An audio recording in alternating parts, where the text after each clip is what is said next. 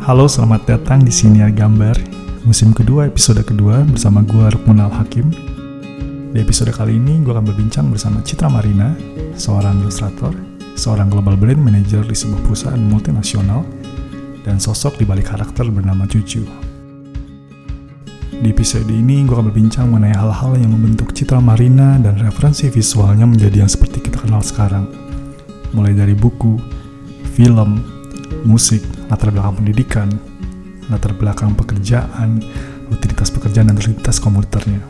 Dan juga bagaimana Citra Marina berusaha menyeimbangkan dirinya sebagai seorang global brand manager dan juga sebagai seorang ilustrator lepas yang tentu saja tetap berkutat dengan tenggat pekerjaan komisi dan juga pengkaryaan personal. Selamat mendengarkan. Halo Citra. Halo. Selamat datang di Siniar Gambar episode 2 uh, Musim kedua, kali ini tamunya adalah Citra Marina Uh, Nama ininya apa sih? Pelafalannya tuh uh, Marina. Nah itu Ya. Pencipta cucu, benarkah? Benar. Benar ya, cucu ya? yes. Pencipta cucu Bukan dan Koko. ilustrator uh, Global Brand Manager ya. Uh, dan kali ini musim eh musim ini maksudnya episode kali ini gue akan ngobrol sedikit dan banyak tentang ilustrasi dan hal-hal yang ada di sekitar uh, ilustrasi dunia ilustrasinya Citra Marina. Cit, Yes. Kim. ini uh, lo lagi sibuk apa sih? Selain liburan ya ini kan liburan lo ya. lagi dalam ini minggu terakhir. suasana liburan minggu kan, liburan, liburan. panjang. Eh, ya jadi kalau kesibukan sehari-hari sih ngantor. Jadi Ah. gue kerja di salah satu perusahaan Iya. FMCG di eh, BSD. Hmm. Eh, kerja di bidang marketing. Jadi itu ya day job ya yang tiap hari eh, 9 to 5 atau even more. Tapi Hmm. sebenarnya nggak tiap hari ke kantor. Jadi eh, hal yang gue suka dari perusahaan di mana gue bekerja adalah bisa agile working. Jadi Hmm. any day atau apa kalau perlu bekerja dari rumah atau bekerja dari tempat lain selain kantor tuh sangat di welcome dan di encourage. Uh, Oke. jadi kita bisa kayak atur jadwal sendiri.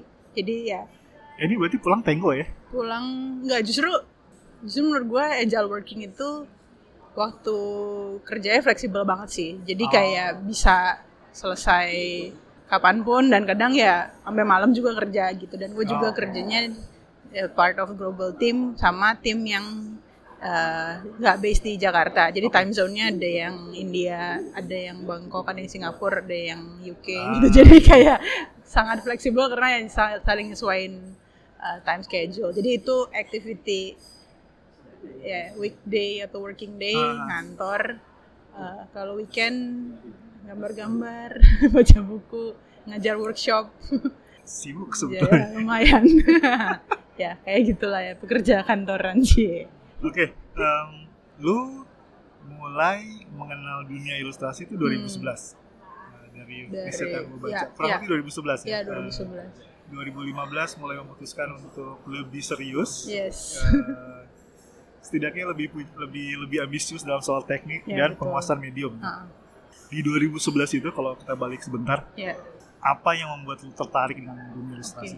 Jadi 2011 tuh apa milestone-nya mungkin bikin blog Tumblr ya dulu Udah nggak di blog ya kan? udah nggak di blog kan? lagi dulu Iya. baru awal-awal kan Good old day itu ya, Tumblr emang. kayaknya eh, sebelum Instagram jadi platform kreator ya kayaknya Ah, dulu iya, iya. Instagram lebih kayak fotografer kan Iya, gitu jadi spesifik ke yang iOS kan. Iya betul.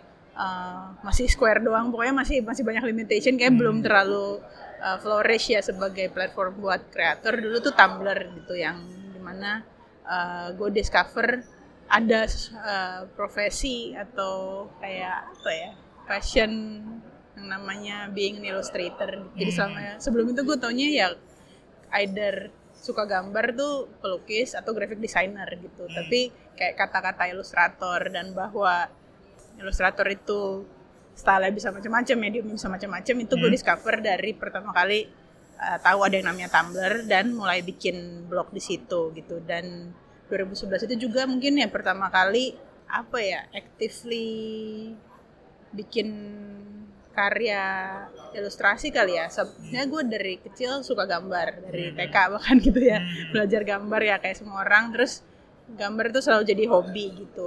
Tapi pas 2011 itu baru mulai kayak kayak gue pengen bikin apa ya ada ide pengen bikin karya yang kayak gini elemennya kayak gini pakai media kayak gini dan gue bikin gitu sebelumnya itu mungkin gambar lebih kayak diminta orang aja misalnya pas kuliah gue nggak kuliah desain tapi Yeah. misalnya di kegiatan himpunan mahasiswa misalnya eh gue perlu materi buat promosi event nih bikinin dong kan suka gambar lebih kayak based Oh, on oke. apa request orang-orang tapi 2011 mulai kayak actively gue pengen bikin sesuatu based on ide yang gue punya gitu Ya, lu di ITB terpapar seni rupa juga gak sih? Hmm. Walaupun ngambil teknik ya? Iya ngambil teknik nggak ada nggak terlalu sih satu Hmm.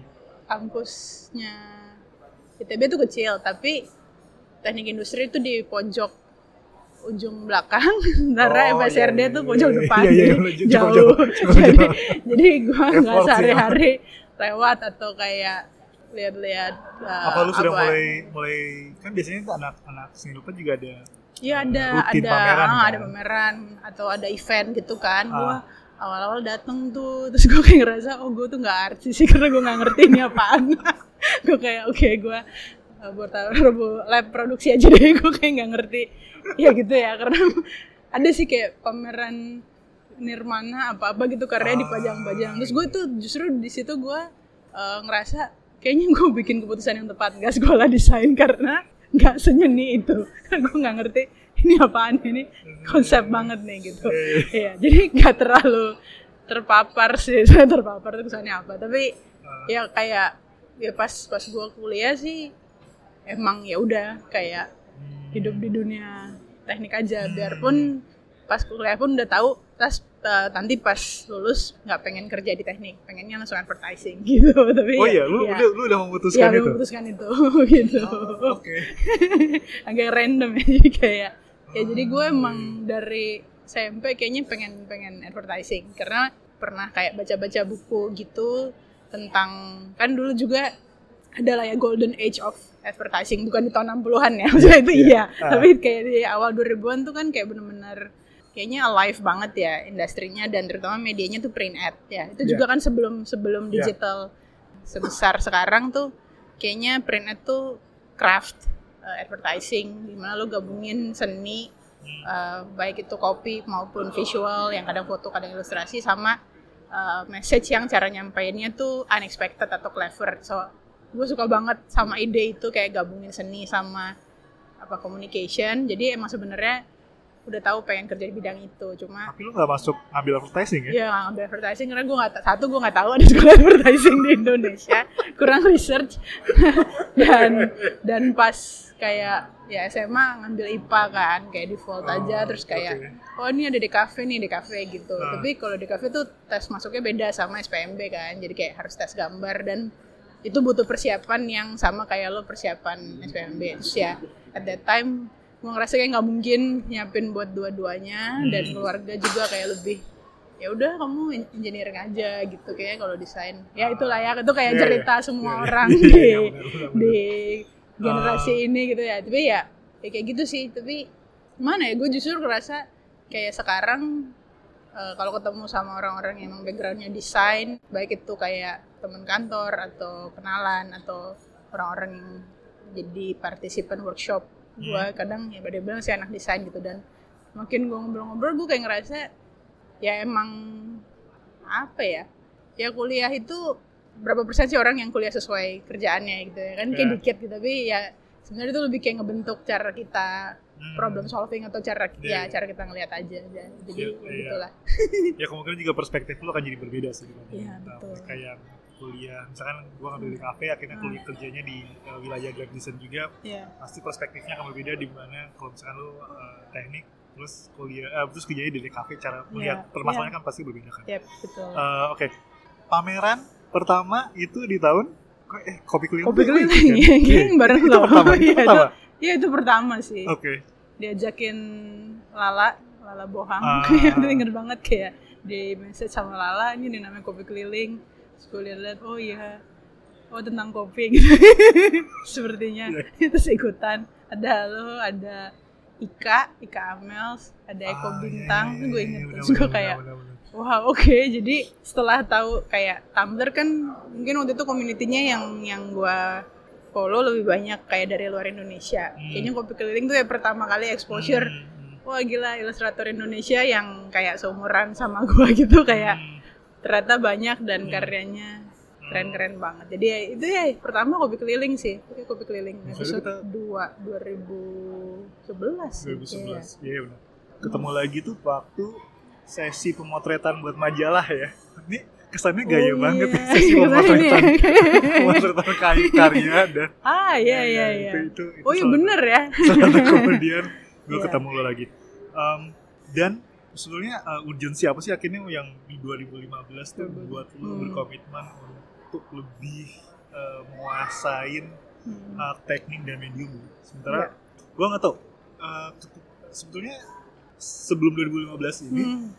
gue melihat uh, lu ilustrasi itu Hmm. atau nggak menggambar itu sebagai hobi Hmm. atau sudah lu se- sebagai pikiran maksudnya udah sebagai bagian dari oh ini pekerjaan sampingan gue gimana ya? Mungkin kalau kayak kronologi 2011 kan kayak bikin Tumblr blog terus dapat offer untuk pameran. Itu kan kayak pertama kali oh ini ya kalau kalau quote unquote menyebut diri ilustrator kira-kira aktivitinya kayak gini gitu kan kayak bikin karya terus ya diajak pameran misalnya terus lebih kayak oh di uh, tawarin commission project misalnya sama majalah gitu Hmm. kan untuk untuk contribute gitu itu dari antara 2011 sampai 2015 tuh ya ada sih kayak uh, opportunity atau kayak offer jadi Hmm. again lebih kayak gue enjoy gambar tapi apa yang dikerjakan atau kayak goals tuh nggak ada. Lebih kayak gue ngeliat ya udah orang nawarinnya apa gue kerjain gitu. Hmm. jadi kayak oh kalau ditawarin pameran gue bikin karya. Kalau ditawarin majalah jadi kontributor gue bikin karya gitu. Ya I think lebih kayak gitu sih. Nggak bisa dibilang hobi juga karena mungkin kalau hobi ya cuma kayak dilakukan kalau ada waktu luang kan. Ya misalnya itulah definisi hobi. Sebenarnya kalau gue lebih emang bikin ada waktu untuk supaya bisa bikin karya yang misalnya ditawarin untuk bikin pameran atau ditawarin bikin uh, jadi kontributor di luar uh, waktu yang pastinya terpakai untuk kerjaan kantor sehari-hari. Tapi 2015 tuh gue nggak inget sih milestone-nya exactly apa yang menggerakkan untuk kayak ya mulai komit cuma mungkin eh ya itu 2015 tuh udah sekitar eh, beberapa tahun kerja di pindah ya kan sebelumnya gue kerja di advertising terus pindah ke FMCG ini eh, role-nya marketing yang sebenarnya ada sedikit bersinggungan pasti sama creativity tapi nggak lagi creating something apa ya masih masih berurusan sama advertising karena Hmm. part of marketing adalah bikin communication plan sama kerja sama kerja sama sama advertising agency untuk Hmm. create uh, aset tapi di luar itu tuh banyak banget lah kayak kerjaan marketing yang sangat marketing banget kayak Hmm. misalnya lebih kayak ngurusin bisnis Iya. operational gitu yang yang gue ngerasa waktu untuk merilis uh, creative energy atau kayak Hmm. creative outlet sehari-hari itu berkurang karena Hmm. fokus kerjaannya Hmm. uh, lebih ke hal-hal yang mungkin lebih ke numbers bisnis operational itu jadi di situ gue kayak mulai ngerasa gue kehilangan atau merasa kurang ada creative outlet sementara uh, di sisi lain ngelihat ya teman-teman ilustrator yang gue mulai tahu dari pas pertama ikutan pameran itu punya ya percepatan. ya percepatan Iya. bikin ini bikin itu gitu yang yang sebenarnya ya sangat motivating buat gue gitu Hmm. karena gue nggak nggak pernah ngerasa fakta bahwa gue punya kerja kantoran itu menghambat karena tuh selama ini bisa dijalanin secara dua-duanya bagi waktu aja jadi justru ngelihat teman-teman yang mungkin full time sebagai ilustrator bikin karya yang eh, sangat maju dan produktif itu gue justru motivated. Hmm. ya buat gue apa ya makna gue untuk maju juga gitu yang mungkin bukan dalam bentuk ngerjain banyak project commission karena fokus utama gue tetap kerjaan uh, kantor gitu ya. Iya. tapi apa sih definisi atau goals atau milestone gue maju sebagai ilustrator? Yang mungkin beda sama teman-teman yang uh, full time. Jadi at that time yang gue pikir kalau teman-teman yang full time bentuk kemajuannya adalah pasti pameran atau karena kolaborasi uh, projectnya makin besar, audiensnya gede, scope-nya gede, mungkin kalau buat gue makna bahwa gue berkembang adalah kalau gue improve my skill gitu. Jadi okay. balik lagi juga uh, faktanya gue nggak sekolah desain, gue nggak pernah belajar formal gambar, semuanya otodidak. Banyak banget 2015 dan even sampai sekarang gue ngerasa banyak hal-hal yang gue nggak pernah pelajaran secara formal, tapi pengen pengen bisa gitu. Jadi itu sih keputusannya 2015 kayaknya ngejar ngejar ya upgrade skill dan mungkin untuk bikin gue ngerasa bahwa ada kemajuan gitu kayak berkembang yeah. ya gitu deh oke okay. um, dulu uh, beberapa tahun maksudnya ya setelah gue kenal lu ada satu hal yang sebetulnya membuat gue uh, apa ya selain karya gue ingat dulu tuh kan eh, gue follow lo dari Twitter kan. Wow. Sebelum masih kan, ada kan masih ada gitu masih ada ya? uh, uh, gue nggak follow di Twitter. Satu yang yang yang yang menarik itu adalah kemampuan lu dalam dalam artian artikulasi lu oh, menulis. Okay. itu menurut gue adalah bukan itu itu bukan dari itu bukan dari bukan keluar dari uh, orang yang bukan pelahap buku gitu ya. Oh, okay. karena, karena gue bisa dengan uh, itu bahasa Inggris gitu. Karena hmm. kadang gue bisa uh, ya antara gue kayak kayak ngerasa titik awal misalnya salah satu hmm. cucu hmm. dalam bentuk nggak visual yeah, yeah. kedua itu di, di Twitter. Ya yeah, benar. Jangan tahun-tahun lalu. Yeah. Sampai akhirnya gue ya mau terbukti kalau lu adalah salah satu orang yang sangat banyak sekali membaca buku kan dan yeah. mengkoleksi buku yes. uh, yang lu bisa lihat di highlight Instagram yeah, yeah, yeah, yeah. rekomendasi iya. bukunya yeah. dari Citra uh, nah, Hampir kebiasa... kayak online bookshop sih kayaknya saking banyaknya jadi yeah. uh, kebiasaan lu membaca buku ini mm. itu udah mulai dari kecil dari, dari kecil, dini yeah. sekali yeah. dan itu dari emang emang dari keluarga lo atau gimana? Iya, jadi dari dari keluarga gue tuh gak bisa naik sepeda dan kayak super penakut kayak kalau ah. anak-anak tuh main pas kecil kan wah main sepeda sampai ke mana gitu kan iya, nyasar yeah, yeah. manjat pagar gitu gak pernah karena gue di rumah terus baca buku jadi kayak dari kecil tuh pasti awalnya tuh dari buku dongeng kayaknya dibacain jadi sebelum tidur tuh emang dibacain buku-buku cerita gitu uh, dan buku-buku bergambar. Nah itu gue suka banget. Jadi itu sebelum TK ya. Dan pas sudah mulai bisa baca juga dikasih buku-buku yang emang bisa dibaca buat anak-anak. Dan itu sih gue dari kecil kayaknya inget main outdoor tuh jarang ya main outdoor. Ya maksudnya ya pasti ada main-main yang yang kayak di luar rumah tapi seneng banget juga baca gitu sih dan kayak kalau dulu bacanya ya banyak kan ya buku-buku cerita kayak Enid Blyton ya gitu ya Pippi Longstocking apalah trio detektif itu kan kayak berseri dan gak selesai-selesai jadi tuh gue suka banget baca itu suka banget baca komik juga kayak apa Donald Duck gitu dan nah, komik okay. Jepang nah ya pas ya sekolah ter, ter ya, hobi baca dan pas kerja dan bisa punya penghasilan sendiri itu udah kayak yes this is it gitu ya. Jadi beli bukunya nggak dijatah lagi yeah. bisa beli buku sepuasnya. Tapi ya. Uh, dan yang paling sering di ya setidaknya di gue kalau ngeliat lu hmm. sering banget mention uh, David William Foster. David Fa- David Foster Wallace. David Foster Wallace. David Foster Wallace maaf.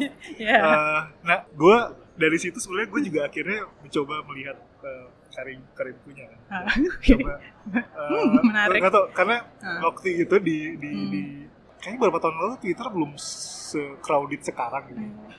Sekarang tuh banyak banget yang ah gitu. Yeah. Maksudnya ram, rame rame yeah, sekali. Yeah, yeah. Nah jadi uh, oh, dulu lebih kali, community ya, sekarang kayak. oh iya beberapa, beberapa yeah. kali tuh uh, gue ngeliat ngeliat Twitter lo emang berbeda dan referensinya gue ngeliat kan referensi bacaan lo juga hmm. sedikit berbeda. Jadi uh, hmm. gue melihat dan mencoba kadang-kadang gue kayak colong ya ya, ya artinya kayak colongan juga sih gue pengen tahu hmm. referensi lo apa gitu yeah. nah dari uh, penulis kesukaan lo ini yeah.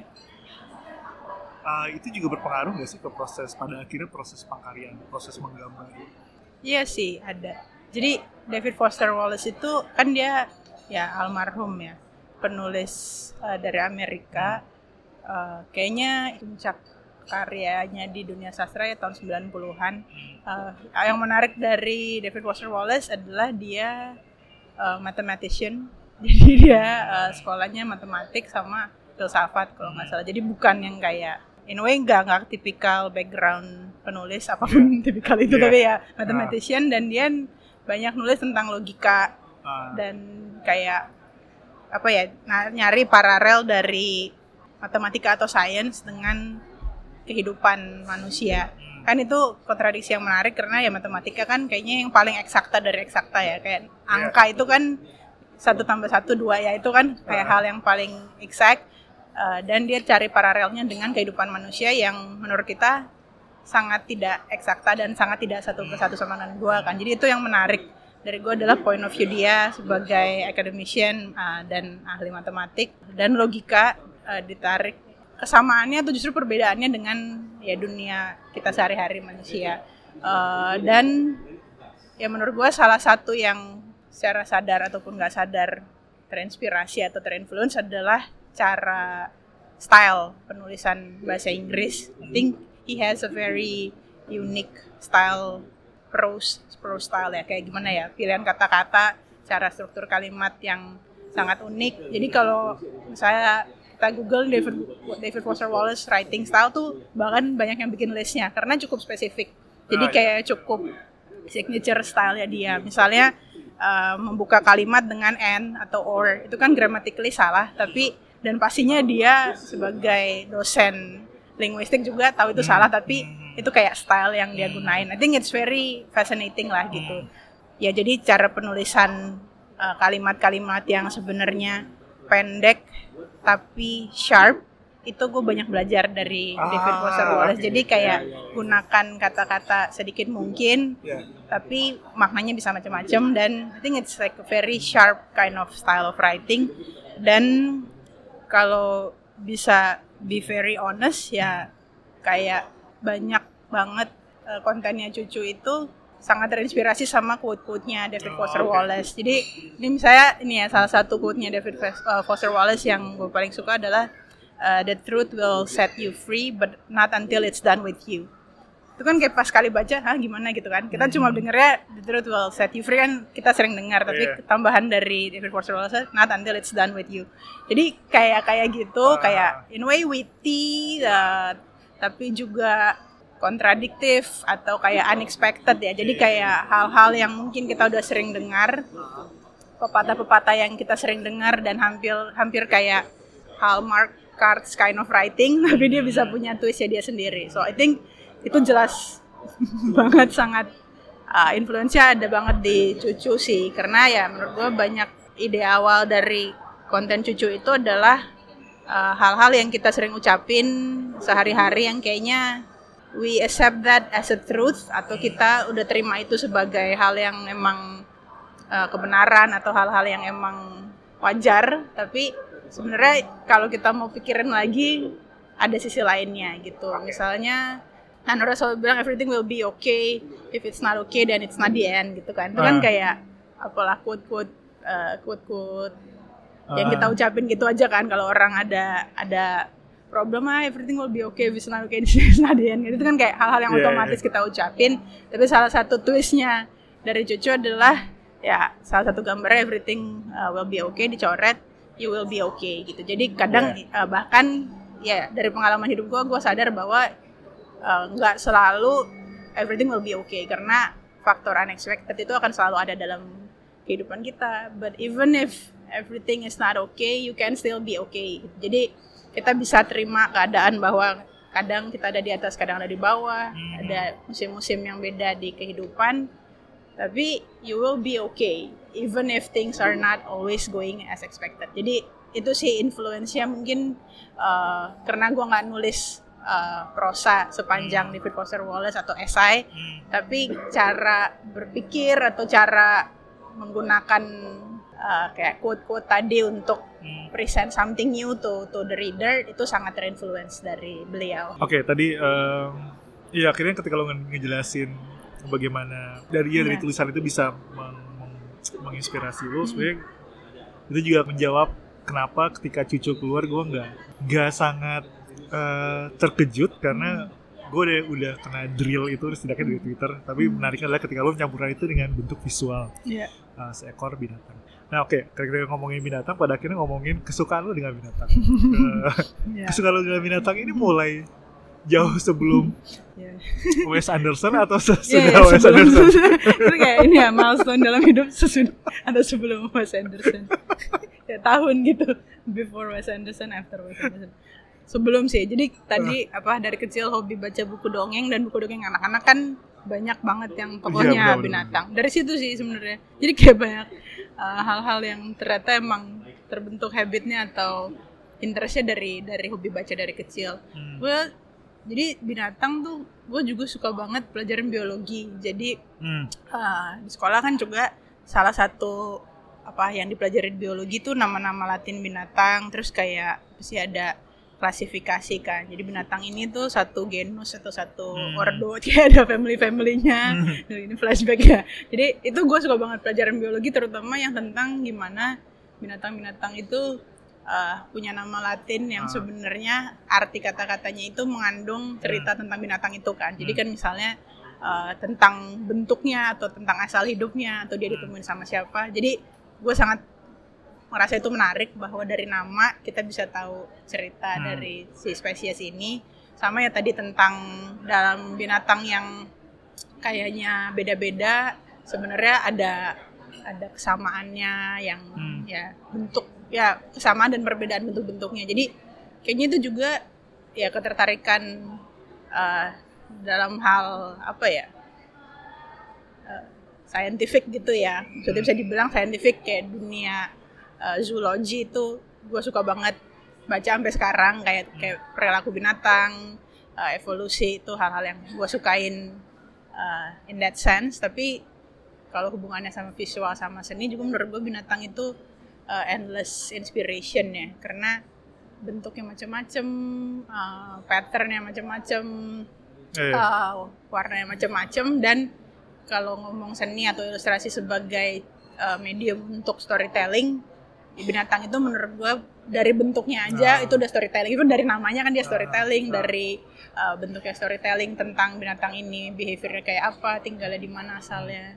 Just scientifically gitu ya habitatnya apa behaviornya apa menurut gue itu kayak sangat kaya akan uh, tools atau ide-ide untuk kita uh, storytelling gitu jadi di gambar-gambar gue juga banyak binatang yang namanya anthropomorphize apa itu jadi hmm. dalam kayak binatang tapi pakai baju atau hmm. melakukan hal-hal yang yeah. seperti manusia karena menurut gue sama aja it's like tools buat storytelling yeah. yeah salah satu uh, yang bisa dilihat dari lu juga uh, kebiasaan lu datang ke pameran. Hmm. Uh, ya beberapa juga di highlight sama lu kan komennya pamerannya. Iya. Uh, pameran apa museum? Pameran eh, ya? Museum oh, dan museum, pameran. Ya, oke okay, oke. Okay. Um, ini ini sebenarnya karena pada akhirnya uh, ketika gue nanya referensi buku lo gue nanya hmm. tentang uh, pada akhirnya tadi ngomongin film dan segala macam dan pameran hmm. karena akhirnya juga ngomongin soal pembentukan uh, proses pengkaryaan lo kan karena banyak hmm. orang bilang kalau bakat itu didapat dari gen gitu padahal sebenarnya bakat juga didapat dari gimana lingkungan sekitar lo tuh ya, ngebentuk lo dalam artian juga cara lo mengelilingi diri lu dengan buku, cara lu mengelilingi dengan apa yang lu suka dan cara lu misalkan membawa diri lu masuk ke museum atau iya. galeri yeah. itu juga membentukkan pada akhirnya. Yeah. Um, ini uh, ketika ketika ketika lu masuk ke sebuah galeri atau ke museum hmm. um, itu benar-benar proses uh, sebuah belajar hmm. uh, atau hanya seperti bukan hanya sih tapi atau lebih sekedar pencarian referensi sih sebenarnya. Bikin konten sih. Bisa nggak lo milih gue sebagai guest star kalau jawabannya gitu? Ya nggak apa-apa sih. Shock ya. Belajar sih belajar.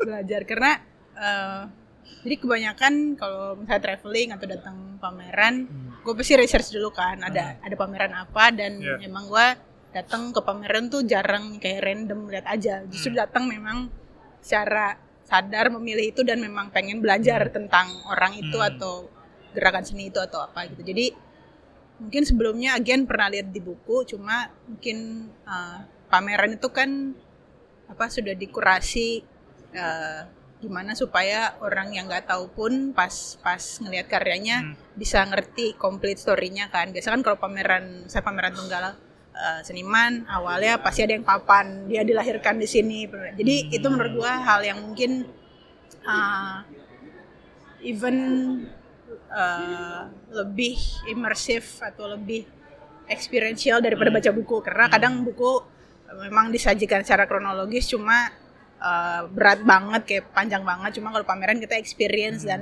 ya sambil kita jalan di pameran atau di museum itu ya kayak jalan bareng uh, karyanya dia gitu kan dari dari awal sampai dia apa masterpiece sampai akhirnya uh, karya terakhirnya gitu. Jadi ya belajar tapi juga menurut gue ya kayak apa imersif ya gimana ya? Kayak imersif tuh kayak menenggelamkan diri. Yang kayak benar-benar nggak cuma ngelihat doang di screen yeah. atau ngelihat dicetakan di buku yeah. ya itu beda banget kan ngelihat karya seni uh, secara langsung gitu. terkuras energinya gitu gak sih kalau tiap ke museum gitu? Ya gue pernah baca ternyata itu emang ada fenomenanya ya, ya. exhaustion. Nah karena uh, ya kayak gue baca ini di punya Alain de Botton hmm. bagus banget gue lupa judulnya tapi intinya tentang seni uh. ternyata itu emang ternyata ada fenomena itu kan apa oh, yeah. pasti teman-teman yang suka ilustrasi atau sering datang pameran tuh kayak ngerasa begitu datang ke museum kayak panik gitu kan kayak hmm. gila gue harus ngeliat semuanya hmm. terus kayak berusaha ngeliat sebanyak banyaknya tapi malah exhausted hmm. gitu kan kayak hmm. capek dan ujung-ujungnya pas nge-review tadi gue ngeliat apa ya kok gue lupa hmm. lihat sini sini sini gitu jadi ternyata tuh emang ada ya itu kayaknya emang apa ya kita mentally prepared untuk uh, untuk bisa nerima stimulus sebanyak hmm. mungkin cuma sebenarnya justru apa ya mental mental work of kayak gue harus lihat sebanyak banyak itu yang bikin kita exhausted gitu jadi hmm. ternyata anyway ya kayak FYI okay. ternyata memang ada uh, pemilihan lebih banyak warna biru apakah hmm. terinspirasi dari periode birunya Picasso atau pertanyaan yang sangat bagus ya jadi sebenarnya biru itu Iya karena gue juga pakai sering warna biru sih, yeah, kayak yeah, gue iya. tanyain. Yeah. gue juga nggak sadar bahwa gue suka warna biru sampai beberapa tahun lalu my former boss in the office, hmm. jadi dia juga uh, suka seni, terus dia ngirim, ngirim artikel eh ini ada science apa sa scientist di Eropa nemuin ada warna biru baru. Saya bilang hmm. kan kamu suka pakai karya apa suka pakai warna biru di karya. Setelah itu baru oh ya bener ya. Jadi sebelum itu tanpa sadar. Hmm. setelah dibilang itu jadi kayak oh ya bener ya. Tapi mungkin ya I'm not a big Picasso fan. I knew apakah karena nanet hmm. Ya maksudnya gue tahu tapi ya I think blue period de Picasso kan yeah. apa kayak satu hal yang sangat uh, well known itu kan yeah. bahwa itu bentuk dia uh, depresi saat yeah. itu kan hmm. Uh, dan dan memilih untuk menggunakan palet warna itu yang memang kayaknya blue juga kan feeling blue itu kan ya itu kayak hal-hal yang udah uh, culturally orang associate dengan perasaan sedih atau down. Nah, uh, ya gue juga kayaknya kalau gue jawab agak jadinya over intellectual sih. Karena tuh honest nggak pernah.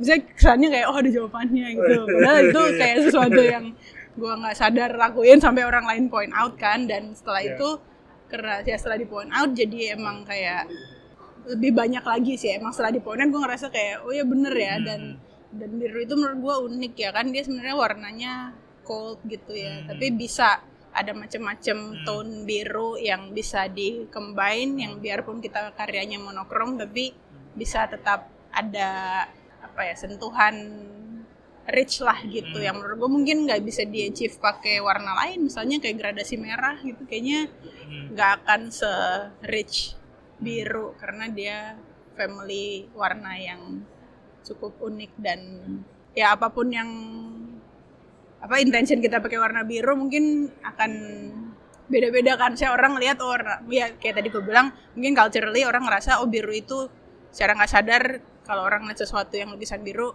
feelingnya tuh lebih kayak uh, sedih atau yeah. down tapi sebenarnya ya gue sendiri nggak nggak ngerasa kayak yeah. gitu jadi ya yeah, it's interesting uh, oke okay. gue akan masuk ke cucu karena Nah. nggak tau gue ngerasa di balik kesederhanaan cucu Cie, wah, cie. Wah, wah, wah, Mencoba. Dia adalah mewah. Iya. mencoba di dianalisa. Iya. Eh, lu bilang kalau cucu itu adalah penggambaran tentang eh, hidup yang berada di tengah kan, Hmm, tentang ya. bagaimana lu melihat kondisi sekarang Hmm, negatif atau Yes, enggak positif, yes, nggak pernah betul. di in between. Iya. Eh, dan cucu adalah eh, personifikasi dari itu. Iya. Em, kalau misalkan cucu sebagai kita anggaplah sebu- seorang manusia gitu, tanpa harus diidentifikasikan ge- gendernya, apakah dia akan cenderung orang yang apolitis, Hmm, tidak menjejakkan kakinya di satu Hmm. satu isu tertentu atau satu hal tertentu? hmm. Apakah dia akan seperti itu? Enggak sih. Cie. Karena tidak memilih itu juga membuat pilihan. Cie. Tapi benar itu. Tapi benar, itu, Tapi itu benar. itu benar. itu Uh, benar. dan yang menurut gue sekarang yang terjadi itu memang semua hal harus dibikin jadi dikotomi padahal enggak jadi itu yang gue maksud in between adalah kecenderungan kita untuk uh, mengkelompokkan satu hal itu either satu atau nol kan kalau Hmm. apa binary Hmm. atau ya pilih nomor satu nomor dua pilih A atau B uh, hitam atau putih biru Iya, atau iya. merah jadi Iya. emang apa kontradiksi itu satu hal yang gue sukain dan gue menyadari bahwa makin sekarang uh, kita sering sekali digiring untuk berpikir Hmm. cuma ada dua pilihan dan Hmm. kita harus memilih salah satu dari dua itu Hmm. uh, itu baru memilih padahal sebenarnya Hmm. ya enggak gitu Iya, iya. kan kayak warna aja Oke. macam-macam Iya, iya, ya benar. bilangan macam-macam jadi gitu jadi cucu ya satu tidak memilih itu juga pilihan dan menurut gua adalah akan jadi orang yang kritis Hmm. melihat bahwa enggak semuanya harus dibikin jadi kubu A atau kubu E, kubu Iya, B, kutub ini atau kutub ini Iya, karena di antaranya ada banyak sikap atau banyak ide atau banyak value yang kita bisa pilih uh, dan itu juga dalam bentuk kita memilih gitu. Jadi ya kayak gitu sih. Mungkin Nah. refusal untuk yang gak mainstream gitu ya kalau bisa dibilang kayak to use that overly used word Ah. mainstream ya mungkin jadi jadi orang yang gak mainstream aja gitu. tapi ya ah. bukan apatis dan bukan uh, isolate dari what's out there gitu Ah, dan apa yang dibahas, misalnya apa yang dibawa sama, dibicarakan sama cucu juga kan Hmm. hal-hal bersifat sosial sebetulnya. Apa yang terjadi di sekitar lu, walaupun lu mem- eh, yang mungkin di sini eh, dari apa yang lu lihat sama perjalanan komuter lu. Hmm. Eh, kemudian beberapa eh, terakhir ini lu juga terinspirasi, maksudnya dalam artian bukan terinspirasi, tapi saat juga mengagumi ka- karyanya Pram. Hmm, yes. Gue gue sebenarnya gue penasaran eh, akan sejauh mana Hmm. eh, karya Pram mendorong eh, perspektif karakter cucu dalam soal kondisi sosial dari yang sekarang Hmm. eh, sudah lu lu lihat dan lu Iya. obrolkan apakah Iya. itu mendorong lagi lebih jauh lagi? karena dari Pram pun kita sebenarnya membicarakan ngobrolin hal yang bersifat luas sekali dalam perspektif yang pertamanya tadinya kecil gitu Iya, kan ternyata oh ini masalah yang cukup besar Yes, ya betul. Hmm. Sebenarnya di di atau apa yang buat gue sangat menarik dari karyanya Pram adalah tentang identitas gitu Hmm. sebagai uh, Indonesia. Mungkin gue juga untuk satu dan lain hal somehow memilih untuk nggak banyak baca karya sastra Indonesia sebelum Hmm. Pram. Mhm. Ya nggak usah dibahas itu pilihan yang salah atau benar. oke Tapi ternyata Haruki Murakami juga sampai umur 20-an memutuskan untuk nggak baca karya seni Jepang. Nggak tahu ya, again Oh, ini mungkin bukannya gue sama, sama Haruki Mura- Murakami, tapi again ternyata ada fenomena seperti itu. Ah, gitu ya. oke. Ah, jadi sebelum sebelum Pram sangat jarang baca karya Indonesia, lebih banyak baca eh, Amerika, Hmm. sedikit eh, British gitu Hmm. kan. Itu juga kan kayak eh, cukup spesifik ya kayak apa tema-tema yang diangkat ya pastinya nggak ya, nggak bisa lepas dari identitas penulisnya yang yang anyway eh, baru gue baru banget mulai baca Pram gara-gara pameran eh, namaku Pram di Ya, Dialog ya. Arts terus mulai baca Bumi Manusia eh, dan Gadis Pantai dan baca-baca buku lain lainnya ya anyway menurut gue tema I think ya he is a legend and uh, there are so many things yang bisa dibahas dari kisah hidup beliau maupun karyanya. Tapi apa yang menurut yang sangat menarik buat gue adalah identitas. Jadi banyak hal yang uh, pas baca terutama tetralogi Pulau Buru itu bahwa uh, hal-hal yang bagian jadi identitas gue sekarang cara gue ngelihat uh, dunia atau dinamik ya dynamics antara kita berhubungan sama orang lain status sosial itu tuh satu hal yang ternyata udah ada dari zaman Yeah. ya kolonialisme atau even zaman kerajaan dulu gitu ya jadi itu sih yang menurut gue sangat menarik adalah pas baca karya Pram gue seperti baca pemaparan identitas manusia Indonesia gitu Hmm. jadi again karena sebelum ini juga jarang baca karya Indonesia pas baca karya Pram jadi bener-bener awakening ya Maksudnya Yeah. awakening bukan dalam artian uh, tolak ini tolak itu. Tapi lebih kayak menyadari bahwa ya biarpun gue memilih untuk gak baca karya-karya Indonesia atau in a way banyak apa my pop culture reference adalah sangat westernized gitu ya ternyata ya value dan cara pandang gue itu Hmm. Indonesia banget ternyata gitu. Jadi dan kata itu nggak harus jadi sesuatu yang positif atau negatif gitu ya oh Indonesia banget. Tentunya uh, again Hmm. anti anti dua kutub gitu ya Oke. bahwa sebenarnya ya itu uh, yang hal-hal yang sudah ingrain dalam identitas kita atau cara kita bermasyarakat ya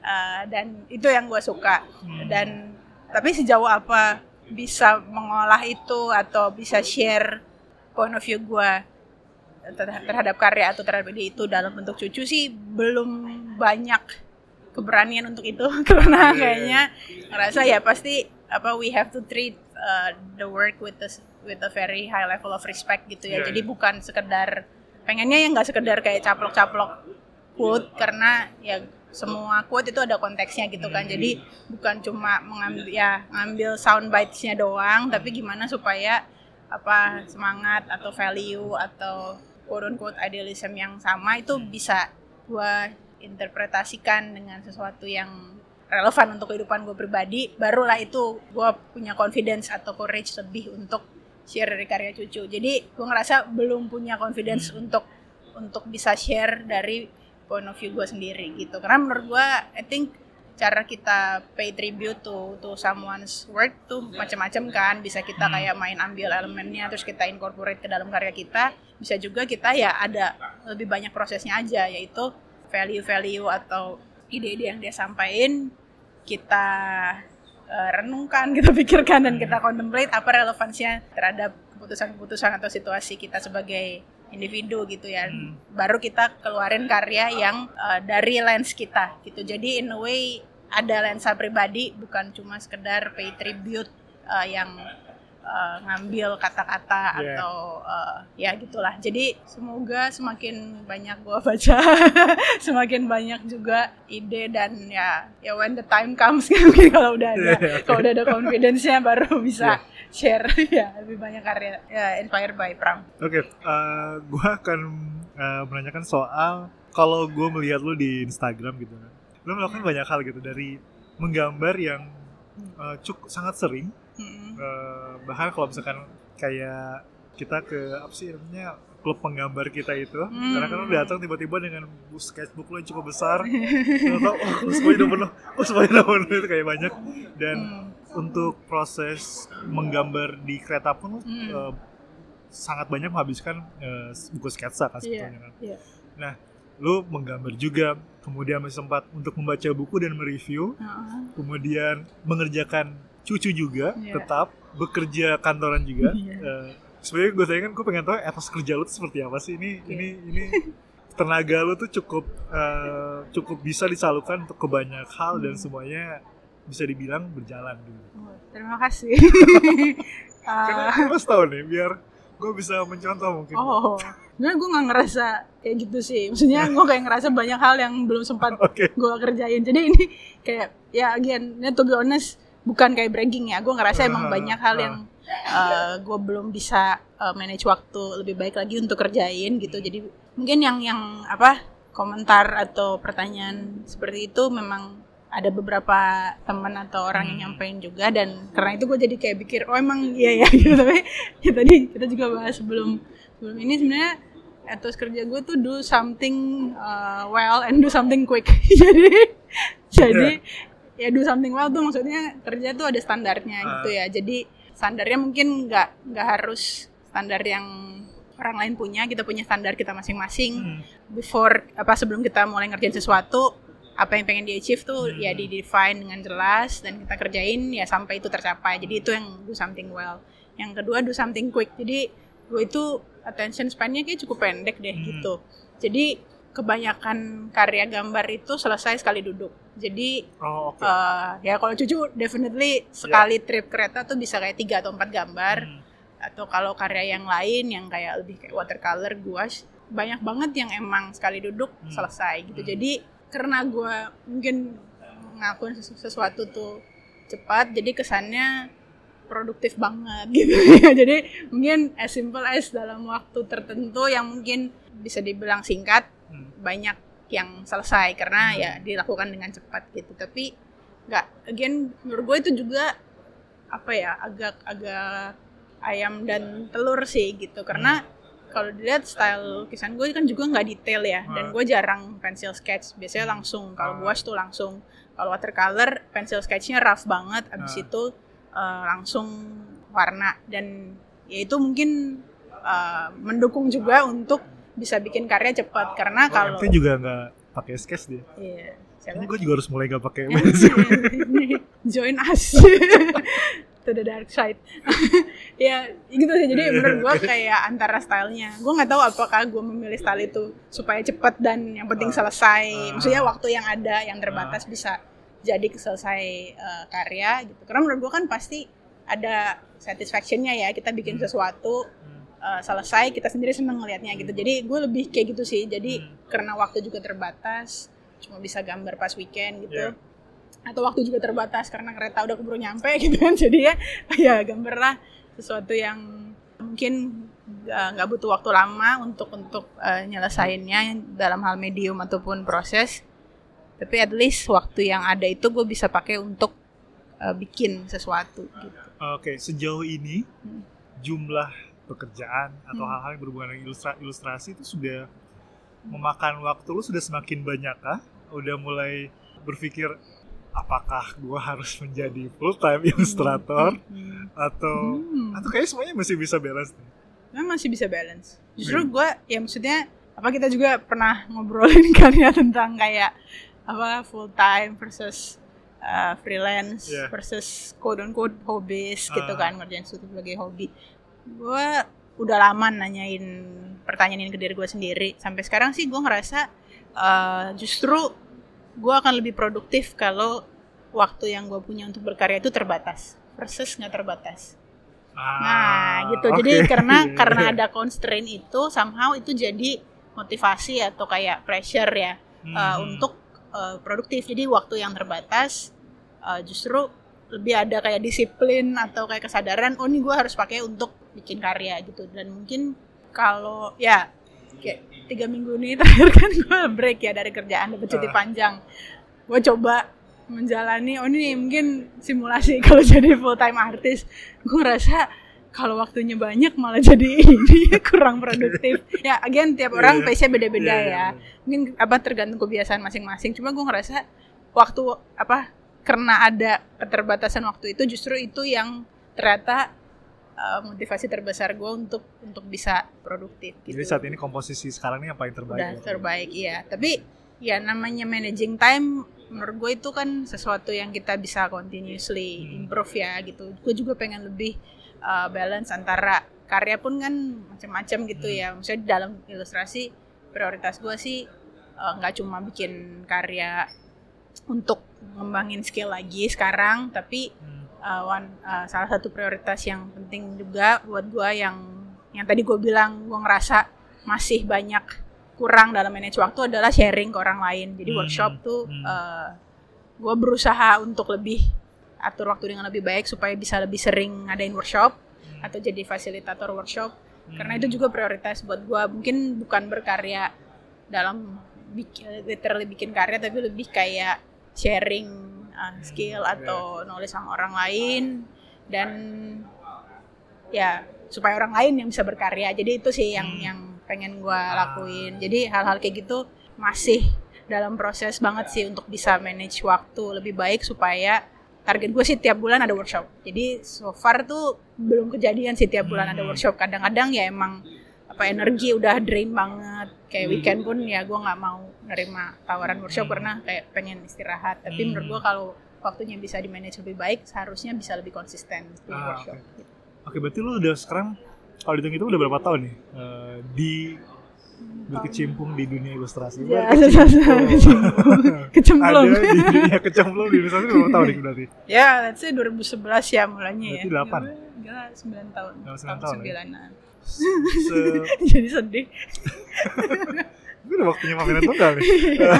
Oke, se su- ketika maksudnya sudah selama ini Hmm. eh, menurut lo ini juga pertanyaan yang gue tanyakan ke MT Hmm. eh, hal apa sih yang diperlukan oleh ekosistem ilustrasi di Indonesia kalaupun Indonesia terlalu besar di Jakarta Hmm. yang bisa akhirnya men- hal yang harus dilakukan untuk bisa mendukung si eh, dunia ilustrasi ini Menurut gue pertama, again ini uh, pendapat pribadi ya tentunya dan sangat dipengaruhi dari profesi gue bekerja di marketing. Jadi gue tuh ngeliat sekarang ilustrasi tuh ja- jadi passion point yang sangat uh, lagi emerging ya. Kalau dulu kan Iya. sempat kayak fotografer, sekarang Iya, tuh iya. ilustrasi.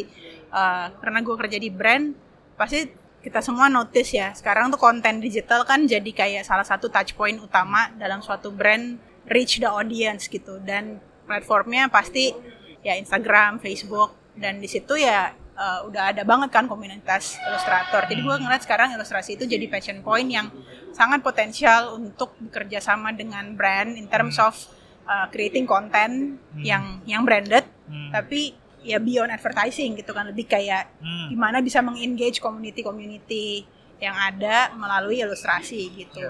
Uh, dan mungkin yang yang apa uh, berhubungan dengan pertanyaan itu yang sekarang belum ada itu intermediary-nya antara advertiser atau kayak ya let's say advertiser baik brand itu sendiri ataupun agency yang Hmm. menghandle brand itu sama ilustrator. Jadi semuanya kan sekarang kontaknya langsung tuh. Ya Hmm.